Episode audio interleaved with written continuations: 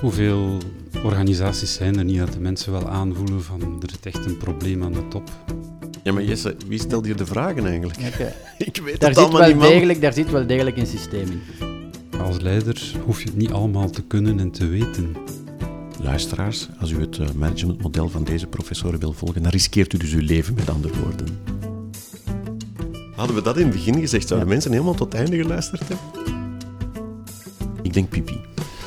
Dat, die kans bestaat. Ja. Welkom. Wat je net hoorde is wat je nog te wachten staat. Dit is Leiderschap is Overal. Een podcast van de Antwerp Management School. Waarin ik, Sven Spijbroek, samen met de professoren Koen Maréchal en Jesse Segers op zoek ga naar voorbeelden van zinvol leiderschap. Vijf afleveringen lang. Bij de beenhouwer of in het bejaardentehuis, op het voetbalveld of in de slaapkamer van mijn dochter. Overal zie je leadership waar je nog iets kan van leren. Vandaag beginnen we in de dierentuin, in het apenpaviljoen, bij de gorillas. Daar is het heel duidelijk. De grootste en de sterkste is de baas. Die met zijn zilveren rug, dat is hem. De vraag is, kunnen we daar iets van leren? De vraag is, wat doet hij eigenlijk s'morgens? Dit is Jesse Segers. Samen met Koen Marichal staat hij aan het hoofd van het expertisecentrum leiderschap van de Antwerp Management School. Eh, zeker in het wild. Wat zou zo'n groot dier doen s'morgens als hij wakker wordt? Dat is zo ongeveer het eerste wat Goeie vraag. Ik denk pipi. Dat, die kans bestaat. Ja. Weet, normaal wonen die in, zo, eh, in, in het oerwoud in nesten. Hè? Dus die maken zo een nest. En die, dat is zo'n klan. Hè? Ja. Dus die zitten wat dicht bij elkaar. Dus je wordt 's morgens wakker. Het kan zijn dat hij inderdaad eh, de nood hoog voelt. Ja. Zou je nog iets anders doen? Zich eens goed uittrekken. Ja, Op de borst kloppen. voilà. Dat is wat gorillas doen. Is dat echt waar of wat? Hij zal alleszins eh, duidelijk maken dat hij wakker is. Hè? En Genoeg lawaai maken. Genoeg lawaai. Heb je mij gezien? I'm in the house. Voilà. Oké. Dus ik ben wakker. En wat verwacht hij dan van die anderen? Ehm, dat die ontbijt maken. Ja, comes close. Hè? Ik weet het niet. alleszins dat ze ook wakker worden. Van, als ik wakker ben, iedereen wakker. Ah ja. Het is niet het type leidinggevende dat morgens binnenkomt en iedereen een hand geeft. Hè? Het is eerder het type waarvan hij is in het huis en iedereen staat op scherp. Ja. Dus, eh, hij- Want dat is het klassieke beeld dat je hebt van leiderschap. Ja. Hè? Van, Ja. Dat is de baas van de fabriek. ja, En die heeft een grote auto en een groot bureau. Eh, en inderdaad, als die de fabriek binnenkomt, is iedereen wow, wow, voilà. Ja. in the house. En dat is bij die gorillas eigenlijk niet anders. Hè. En natuurlijk, die dieren zeggen, oké, je hebt mij wakker gemaakt. En dan staan die met enige verwachting naar hem te kijken van, oké jongen, En nu? en nu, vertel het maar eens. Die doen niks voordat de baas beslist heeft wat er gaat gebeuren. Het hangt ervan af. En ehm, in het geval, en dat is, dat is dan meestal, hè, het, het, op een zeker moment is dat eten op bij die nesten. Ja. En dan verwachten ze eigenlijk van hem, hij heeft de meeste ervaring, hij heeft de meeste expertise ook, van oké, zeg maar eens waar het lekkere eten is. Hè. Dus zet de richting uit, AUB. Ah ja. Ah, want ik zou verwachten bij die apen dat die, eh, die oudste zegt: Mannen, ik heb honger. Je kunt zien dat er zo rap mogelijk hier bananen zijn. Nee, Eten die bananen? Ik weet dat eigenlijk niet. nee. Maar dus de baas moet. moet Ja, hij is Toch- verantwoordelijk om de richting en de, het explorerende eh, van waar dan nieuw goed eten kan te vinden zijn, om dat uit te zetten. ah ja, dat zou ze in, in management visie noemen, zeker? Hè? Ja, ja. dus, voilà. dus iedereen kijkt naar hem als de grootste. Van oké jongen, vertel het ons maar. En wat gebeurt er dan, denk je, als die grote zilverrug vertrekt? Eh, iedereen erachteraan. Ja. Het zal wel zijn. Ja. En denk je dat daar een systeem in zit, of, of gebeurt dat gewoon ad random? Mag iedereen... Dat ze zouden mogen kiezen. Wacht, hij, hij is de baas hè? en hij moet de richting uitzetten. Dus eh, in mijn gedachten is dat een soort stoet, een soort Klopt. treintje door het oerwoud. ja. Zo kan je zo voorstellen. En het moment dat, dat de grootste dan een tros ziet, Ja. dan zegt hij oef of zoiets, Ja. weet ik veel.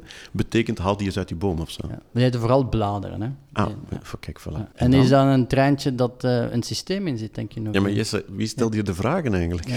Ik weet Daar, het zit allemaal wel niet, degelijk, daar zit wel degelijk een systeem in. Ja, oké. Eh, dat gebeurt niet at random.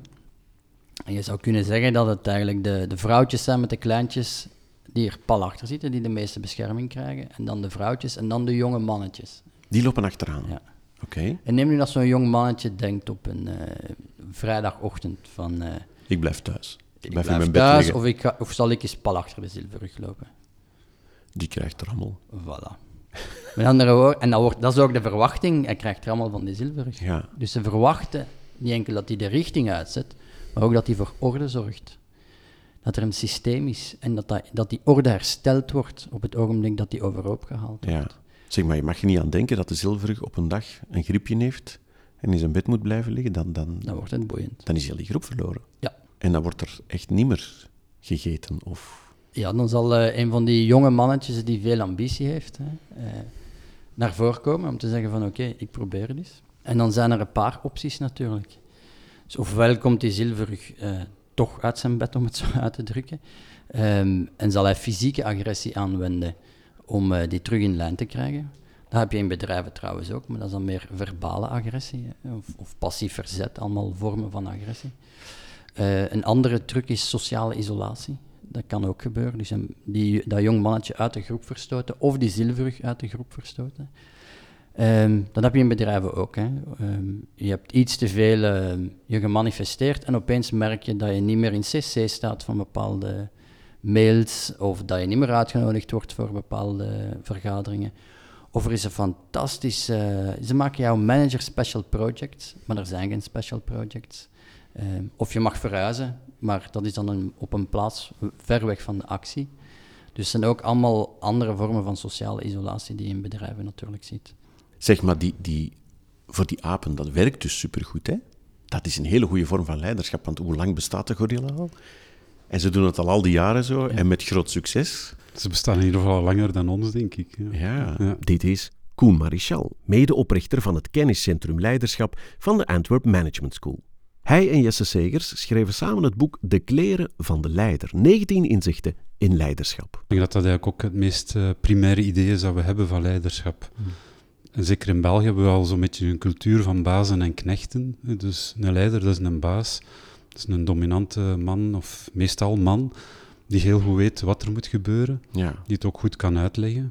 En je zit te wachten tot die zegt wat er Ja, en moet die gebeuren. weinig, tegenstand toont, want dat is lastig. Hè. We weten dat, dat mensen die eh, baas zijn of macht hebben, moeilijk om kunnen met kritiek. Of ook heel gemakkelijk, als ze opmerkingen krijgen, dat zien als een belemmering eigenlijk voor wat er moet gebeuren. Dus er is eh, ja, heel weinig dialoog of gesprek mogelijk. Het is echt eh, de knecht die loyaal is naar de baas. Het is een heel duidelijke machtsverhouding. Wat ook ergens altijd goed is voor een groep, altijd nodig zal zijn. De hele hamvraag, denk ik, in leiderschap is en hoeveel hang je eraan op? Hoe sterk maak je dat principe?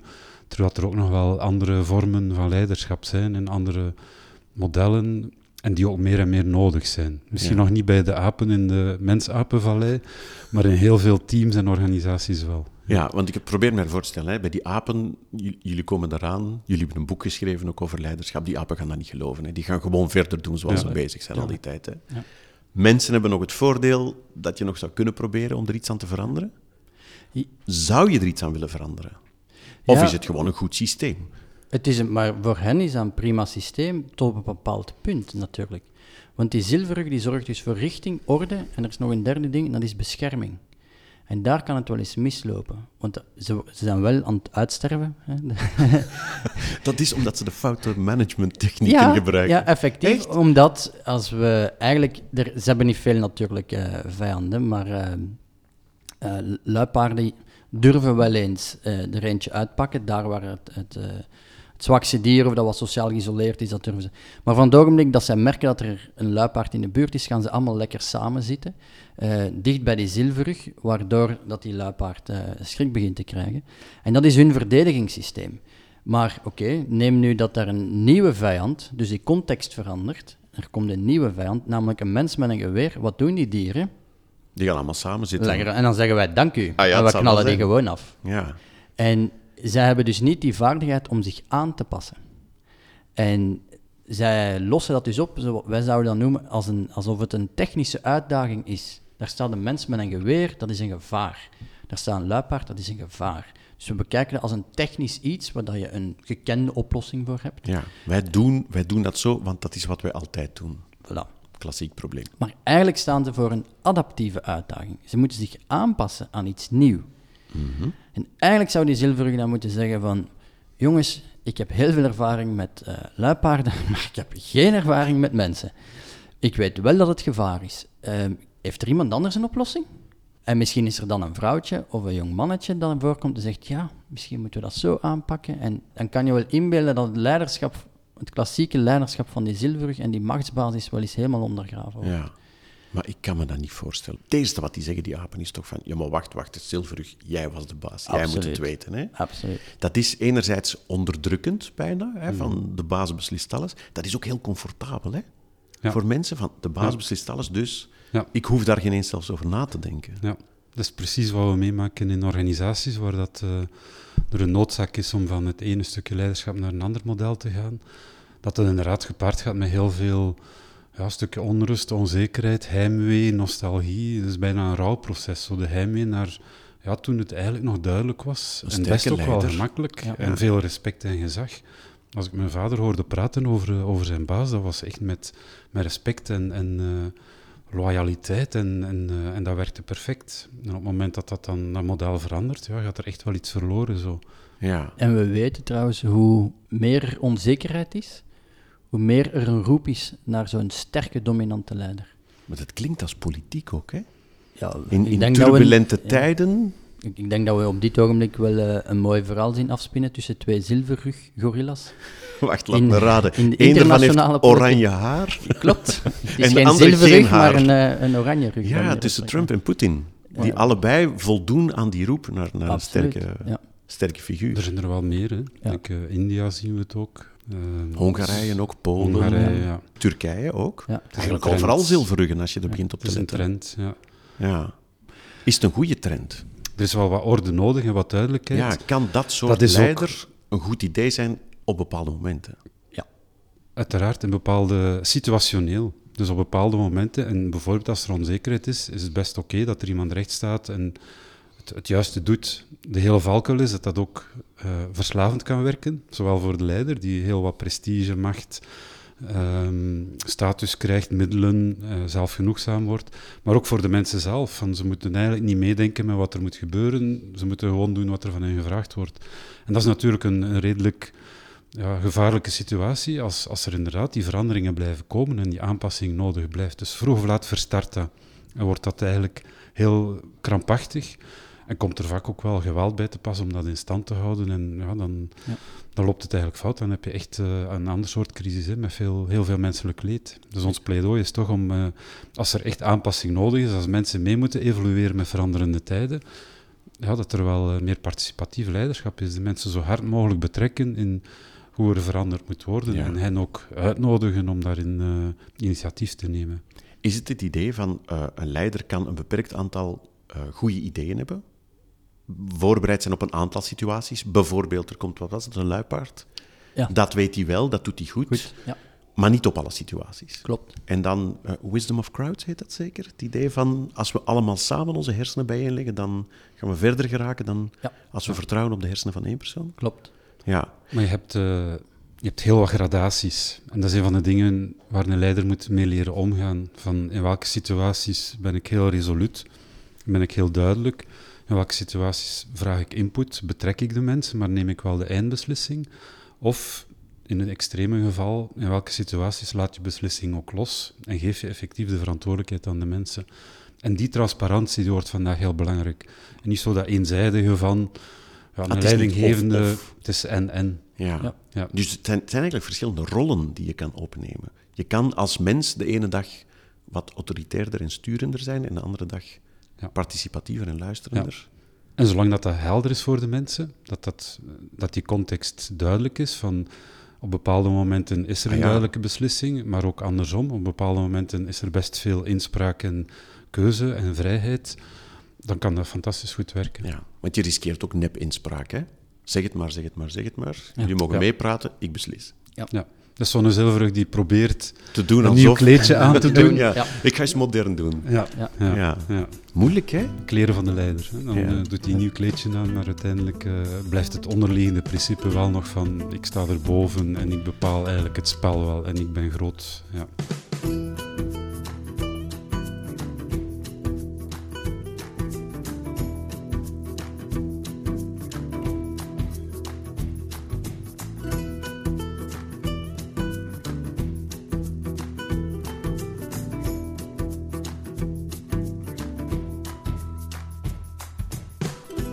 We kennen ondertussen het probleem. Maar stel nu, je bent van nature zo'n autoritaire leider en je wil het graag anders aanpakken. Wat moet je dan doen? Hoe begin je daaraan? Hoe leer je luisteren naar mensen als je dat niet gewend bent? Het begint met het uh, aanvoelen van uh, de noodzaak om, om op een andere manier met, uh, met mensen, met groepen, met leiderschap te beginnen omgaan. En dan ontstaat er gewoon een zoekproces. Ja. Er is geen uh, uniform antwoord. Het wordt ook wel wat improviseren. Dus stapjes zetten, het op een andere manier gaan doen. En dan kijken van, uh, is dit, werkt dit, uh, werkt dit niet? Ook tijd en geduld hebben om de dingen een kans te geven. Want we weten dat mensen niet automatisch als ze uit afhankelijkheid komen, dan plots uh, zich sterk en vrij genoeg gaan voelen om, om inspraak op te pakken. Dus tijd geven, geduld hebben en vooral in zelf in een leermodus stappen. Ja. Ik denk dat dat uh, het moeilijke punt is om, om bewust te gaan mm. leren, om het anders te gaan doen. Dat is ons, wat ook ons onderscheidt, denk ik, van, van dieren. Dus dat wij wel dat vermogen hebben om te gaan nadenken over wat gebeurt er hier en hoe kan ik het anders Het begint met dat besef van... Ja, en ik denk, ik denk dat er eigenlijk nog een stap voor zit, want heel vaak, die, eh, als gevolg van de macht die ze hebben, zien ze het niet komen. En eerst ontstaat de crisis het gebeurt niet omdat wij dat zeggen of omdat je daar weet dat dat theoretisch zo moet of omdat dat het nieuwe managementmodel is voor complexere omgevingen.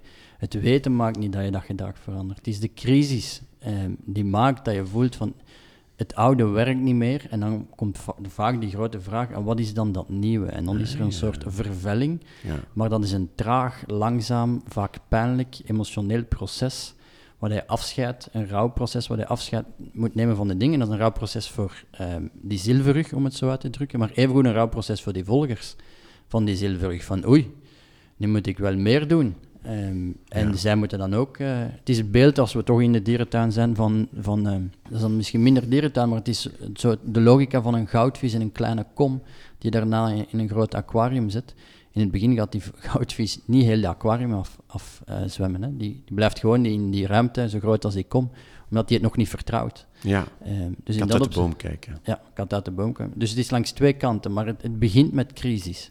Dat vind ik wel interessant. Want dat wil dus zeggen dat, dat er geen moment komt waarop zo'n leider oude stijl plots het licht ziet en denkt, eigenlijk moet ik al dat talent beter benutten van de mensen rondom mij.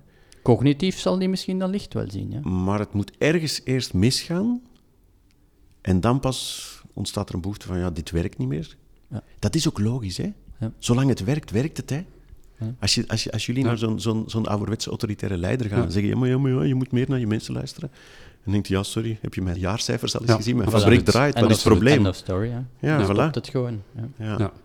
Maar de waarschuwing is, pas op, want op een dag verandert de wereld rondom jou. Ja, absoluut. Gaan er gekke dingen gebeuren en dan ben je met je ene talent. En, en dan krijg je iets bijzonders, want het is eigenlijk zo'n model waar, waarin meestal hij nog alles weet. Hè. Hij kent de richting, hij zorgt voor orde in het systeem, hij zorgt voor veiligheid.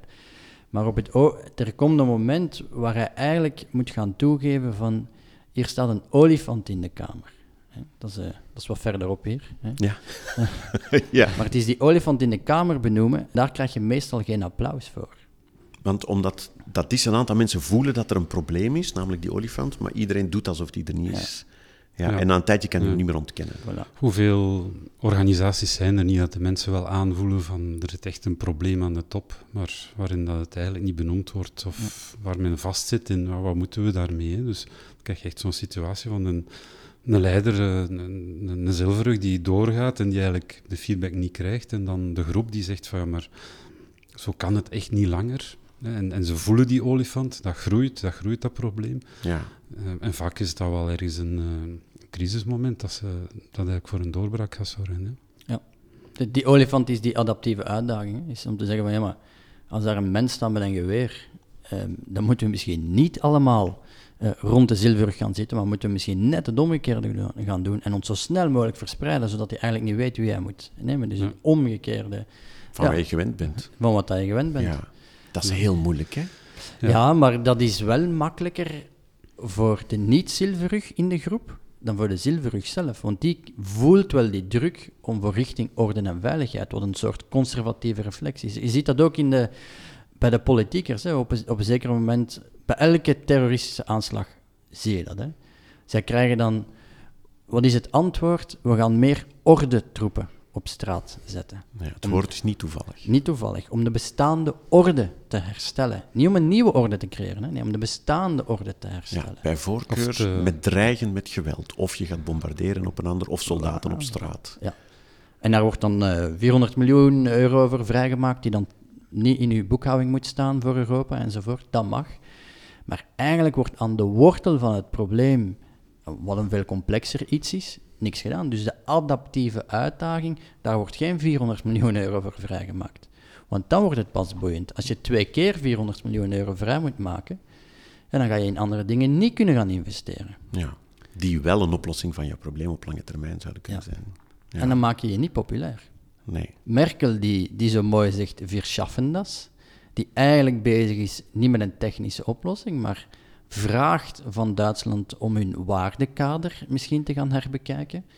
Ze heeft er geen applaus voor gekregen. Nee. Martin Luther King is doodgeschoten, Gandhi ook. Ik bedoel, voor leiderschap het is vaak disruptief, hè? dus het is vaak Ja, iets ja, inbrengen ja, van kijk, het systeem moet veranderen, we willen het stemrecht als de zwarte, we willen enzovoort. Ja. Ja, het systeem duwt terug, die zilverrug duwt terug natuurlijk. Je zegt, ja. Dus die, dat is de olifant in de kamer, eigenlijk benoemen. Luisteraars, als u het eh, managementmodel van deze professoren wil volgen, dan riskeert u dus uw leven, met andere woorden. Het kan heel slecht aflopen. Het kan heel slecht Ja. aflopen. Ja.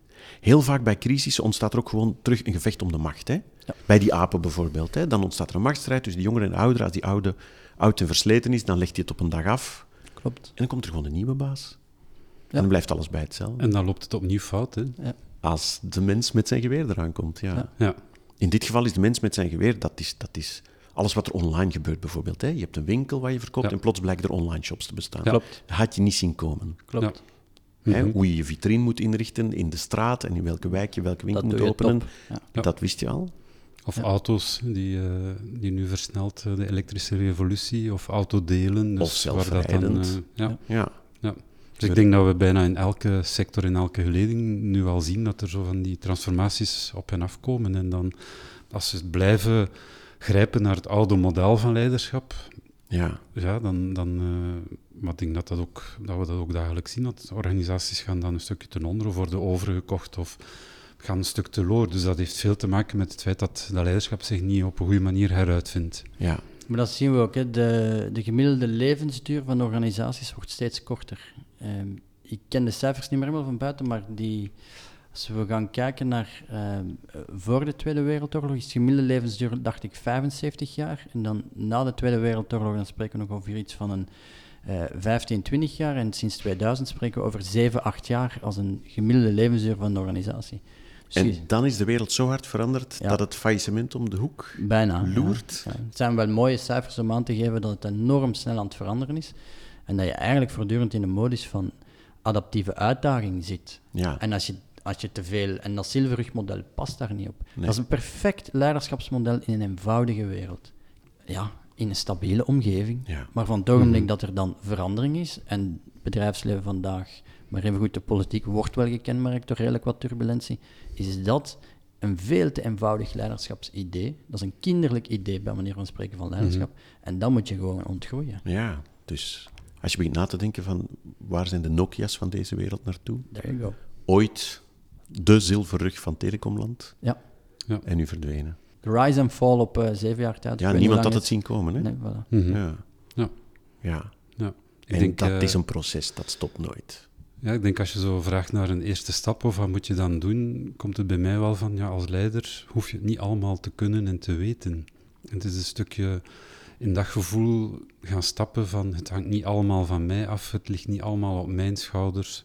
Het is niet als vader dat ik eh, heel het gezin en alles wat het gezin te beslissen heeft, moet weten en, en beïnvloeden. En je kan best wel wat loslaten. En het is in het loslaten dat je ook ja, een stukje meer kunt gaan doen waar dat je dan wel goed in bent of waar je wel meerwaarde hebt. Dus het begint wel een beetje met als prof bijvoorbeeld in de klas wat minder je PowerPoint gebruiken. Iets meer tijd laten voor interactie in de klas. Ja, dat En ziet dat- er een beetje rommelig uit in het begin misschien, maar het kan ook bevrijdend werken. En het voelt ook, eh, het voelt ook niet, niet gemakkelijk, niet goed. Vandaar is het ook eh, beginnen met, met 10 minuten. Hè. Begin dus je les met 10 minuten vragen aan eh, de leerlingen van hoe is het met jullie? En na 10 minuten ga je terug gewoon lesgeven. En dan de volgende keer merk je van, ah, eigenlijk was dat wel boeiend. En ik kwam daar veel uit en ik kom daarop inpikken. En dan neem je een uur. Ja. En voordat je het weet ga je verder. En voelt iedereen zich wel goed bij die nieuwe manier van samen dingen leren en ontdekken. En dat, en dat is niet zo eenvoudig. Ik heb, voor- ik heb een, eh, een les die een hele dag duurt. Hè, en dat is met mensen die eh, werkende mensen, dus het zijn geen jonge studenten. En de verwachting als we binnenstappen is uiteraard dat de prof gaat uitleggen wat er allemaal moet gebeuren. En dat doe ik ook. Ik voldoe aan die verwachting, eh, denk ik, gedurende de eerste twee uur, twee uur en een half. Maar het gaat over dit thema. En op een zeker moment zeg ik, oké, nu gaan we wandelen en doen we aan peercoaching. Nu gaan jullie elkaar helpen rond een zeker thema. Dus dan geef ik het al een stuk af, maar ik structureer dan nog. Ik geef nog echt instructies van hoe dat ze elkaar moeten bevragen. Mhm. En dan de volgende stap is dat ik zeg van, oké, we hebben nu nog twee uur. Wat gaan we daarmee doen? Wat gaan we daarmee doen? Ik weet het niet. En dan zie je... Wat, hebben ongem- jullie, wat Ja, hebben jullie nodig? Wat hebben jullie nodig? En dan Ja. zie je die stilte. Ah ja, paniek. Paniek. Oei, Ja. ik dacht dat ik een hele dag les ging krijgen Ja. van de professor. Die heeft zeker 150 slides bij voor een hele dag. Heb ik daarvoor betaald? We moeten het zelf Voilà, doen. voilà. Ja, ja, ja. En ik zei, oké, maar hier gaat het wel over, jongens. En dan wordt het wel boeiend. En dan moet je het lef hebben om die twee minuten, drie minuten, vijf minuten gewoon stil te laten. En ik kan u verzekeren, de eerste keer als ik dat deed, zeer ongemakkelijk. Ja, je sterft zelf. Hè? Ja, je sterft zelf. Maar dan op een zeker moment is er iemand die recht staat. En die zegt, ja, weet je, ik lig nu toch eigenlijk echt wakker van dit. En ik had gehoopt dat ik vandaag daar een antwoord op ging krijgen. Ik zei, oké. En hup, we zijn vertrokken. En we zijn vertrokken. En dan zeg ik, oké, wat denken jullie collega's? Ja. En ik faciliteer nog een beetje. En als ik kan helpen, dan eh, breng ik eens een slide. En ik denk van, misschien is dat een stuk van een antwoord. Misschien niet. En, oké, en dan gaan we samen zoeken. Ja. Het is nog een mooie one-liner om je af te ronden. Hè? want leiderschap is elke keer opnieuw een beetje sterven. Zo.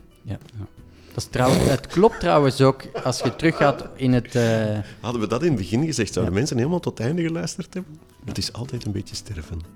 Ja, maar als het zo is, dan is het zo, hè. maar in de etymologie van het woord zit dat ook een stuk. Maar, Ja, dus leiderschap is inderdaad... ah, van Leiden. Ja. Oké. De kleren van de leiders, weet jullie boek, hè? 19 inzichten in leiderschap van eh, Koen Marichal en Jesse Segers. En jullie geven dus les ook, hè? Aan de Antwerp Management School. En als u daar dan les komt volgen, de eerste twee lessen, krijgt u nog input en daarna moet u het zelf. Maar je tekent wel voor heel het pakket. Ja, ja oké. Wat, wat is de site? Het staat ams. Uh, Antwerpmanagementschool.be Oké. Daar kan je dus terecht als je Jesse of Koen wil contacteren of meer wil weten over hun boek of over de opleidingen die ze geven of over de podcast natuurlijk. In een volgende aflevering gaan we op zoek naar leiderschap op het voetbalveld. antwerpmanagementschool.be. Daar moet je zijn. Bedankt voor het luisteren.